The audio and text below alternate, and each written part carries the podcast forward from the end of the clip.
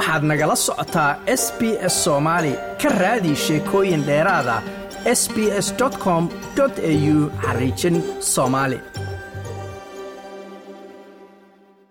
iyadoo maalintii tobanaad uu galay dagaalka magaalada laascaano ee gobolka sool ku dhex maraya. Dadka deegaanka iyo maamulka somalilan ayaa markii ugu horreysay somalilan waxay xarakada al-shabaab ku eedeysay duqaynta iyo madaafiicda lagu garaacay magaalada laascaano taasi oo burbur horle u geysatay goobaha shacabka iyo goobo caafimaad hogaanka howlgelinta ciidamada somalilan ahna afayeenka ciidanka cabdiraxmaan cabdilaahi xasan cabdidheere oo la hadlay warbaahinta somalilan ayaa waxa uu sheegay in maleeshiyaad ka tirsan xarakada shabaab ay tallaabadaasi u qaaday si ay u sii huriso xiisadda colaadeed ee ka taagan laascaanood siduu hadalka u dhigay waxaan doonayaa inaan halkan kaga hadlo dagaalka ka socda laascaanood dagaalkaasoo u dhexeeya ciidanka qaranka jamhuuriyadda somalilan al-shabaab iyo dhallinyaro caafimaadaysan oo u dhalatay gobolka sool dagaalka ciidanka qaranka jamhuuriyadda somalilan isagoo awooda inuu dagaal caadiya oo qorshaysan ku qaado magaalo madaxa gobolka sool ee laascanood haddana weli ilaa hadda wuxuu u turayaa magaalada iyo inay dinto magaalada laascanood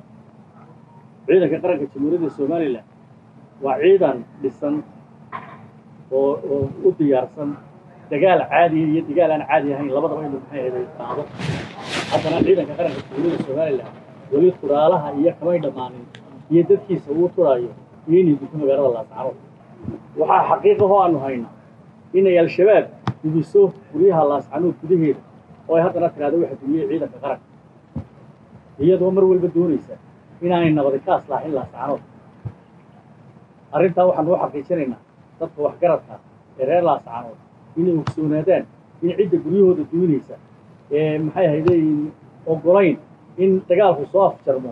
ee aan nabaddooda doonaynin inay tahay al-shabaab oo ka faa'iidaysatay. Jaaniska maanta taagan ee ah shaqaaqada ka taagan laascanood sidoo kale waxa uu sheegay in ciidamada somalilan ay awood u leeyihiin in dagaal qorshaysan ay ku qaadaan gobolka balse ay u turayaan magaalada iyo shacabkeedii sidaa darteed ay weli ku taagan yihiin go'aanka ka soo baxay xukuumadda ee xabad joojinta ahaa afyaanka ciidanka somalilan ayaa sidoo kale waxa uu tilmaamay in dhankoodii ay u hoggaansameen xabad joojintaasi ay ku dhawaaqday xukuumadda hase yeeshee dhinaca kale ay fulin waayeen waxaana uu hoosta ka xariiqay in mar weliba ciidanka somalilan ay u hoggaansamayaan amarada dowladda laakiin aanay gacmaha ka laaban doonin haddii la soo weeraro oo ay isdifaacayaan ciidanka qaranka jamhuuriyadda somalilan isagoo mar walba fuliya ama amiirka ka baxda xukuumadda jamhuuriyadda somalilan waxaa xukuumadda jamhuuriyadda somalilan ku baaqday inay arrintaa lagu dhawa ay ku dhawaaqday xabad joojin. Hase yeeshee waxay ka fuli weyn oo ilaa hadda weerar ku haya ciidanka qaranka maleeshiyaadka ka dagaalamaya laascanood oo ay hagaysa al-shabaab. Dadka reer somalilan guud ahaan waxaan u sheegaynaa ciidanka qaranka jamhuuriyadda somalilan wuxuu leeyahay awood buuxda oo uu isku difaaco ama ku dagaalamo. Hase yeeshee weli wuxuu ku jiraa furaale dadka reer somalilan ee jecel ciidankooda qaranka jamhuuriyadda somalilan ee waagii baryaba la taagan la daba taagan hiiliyahooda waxaan noo caddaynaynaa ciidanka qaranka jamhuuriyadda somalilan wuxuu fuliyaa amaamiirka ka soo baxda xukuumadda jamhuuriyadda somalilan waxaanu u dhisan yahay difaaca qaranka jamhuuriyadda somalilan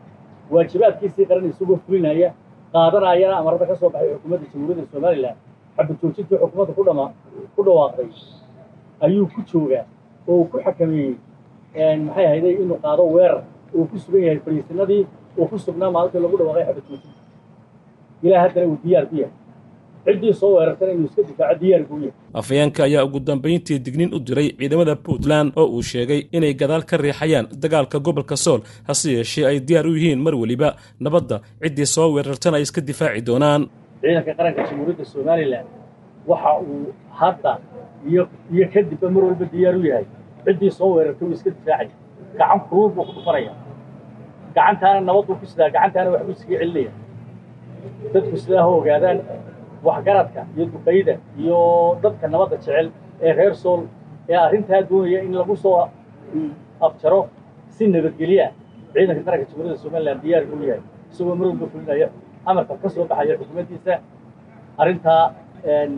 puntland arrintaa ay ka wado gobolka soolla ishaanu ku haynaa puntlandna waxaanu ugu digaynaa ciidamadeeda. Nabad baynu ku wada naalay ciidanka qaranka jamhuuriyadda somalilandna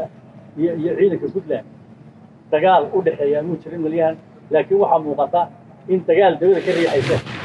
Dagaalkaas haddii aad ka fursan weydaan ciidanka qaranka jamhuuriyadda somaliland waa kii horeba aynu soo arkeen ciidanka puntland. Aynu soo arkeen sukara. Maantana waa kii. Inuu wax iska celiyana wuu tababaran yahay waanu u idman yahay waanu u jooga nabad baanu jecelahay annagu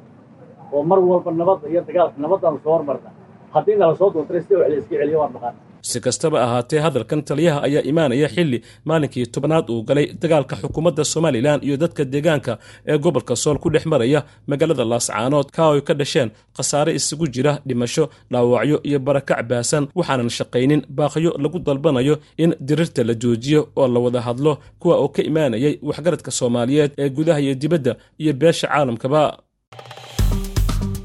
like aas la wadaag wax ka dheh lana soco barta facebooka ee sb s soomaali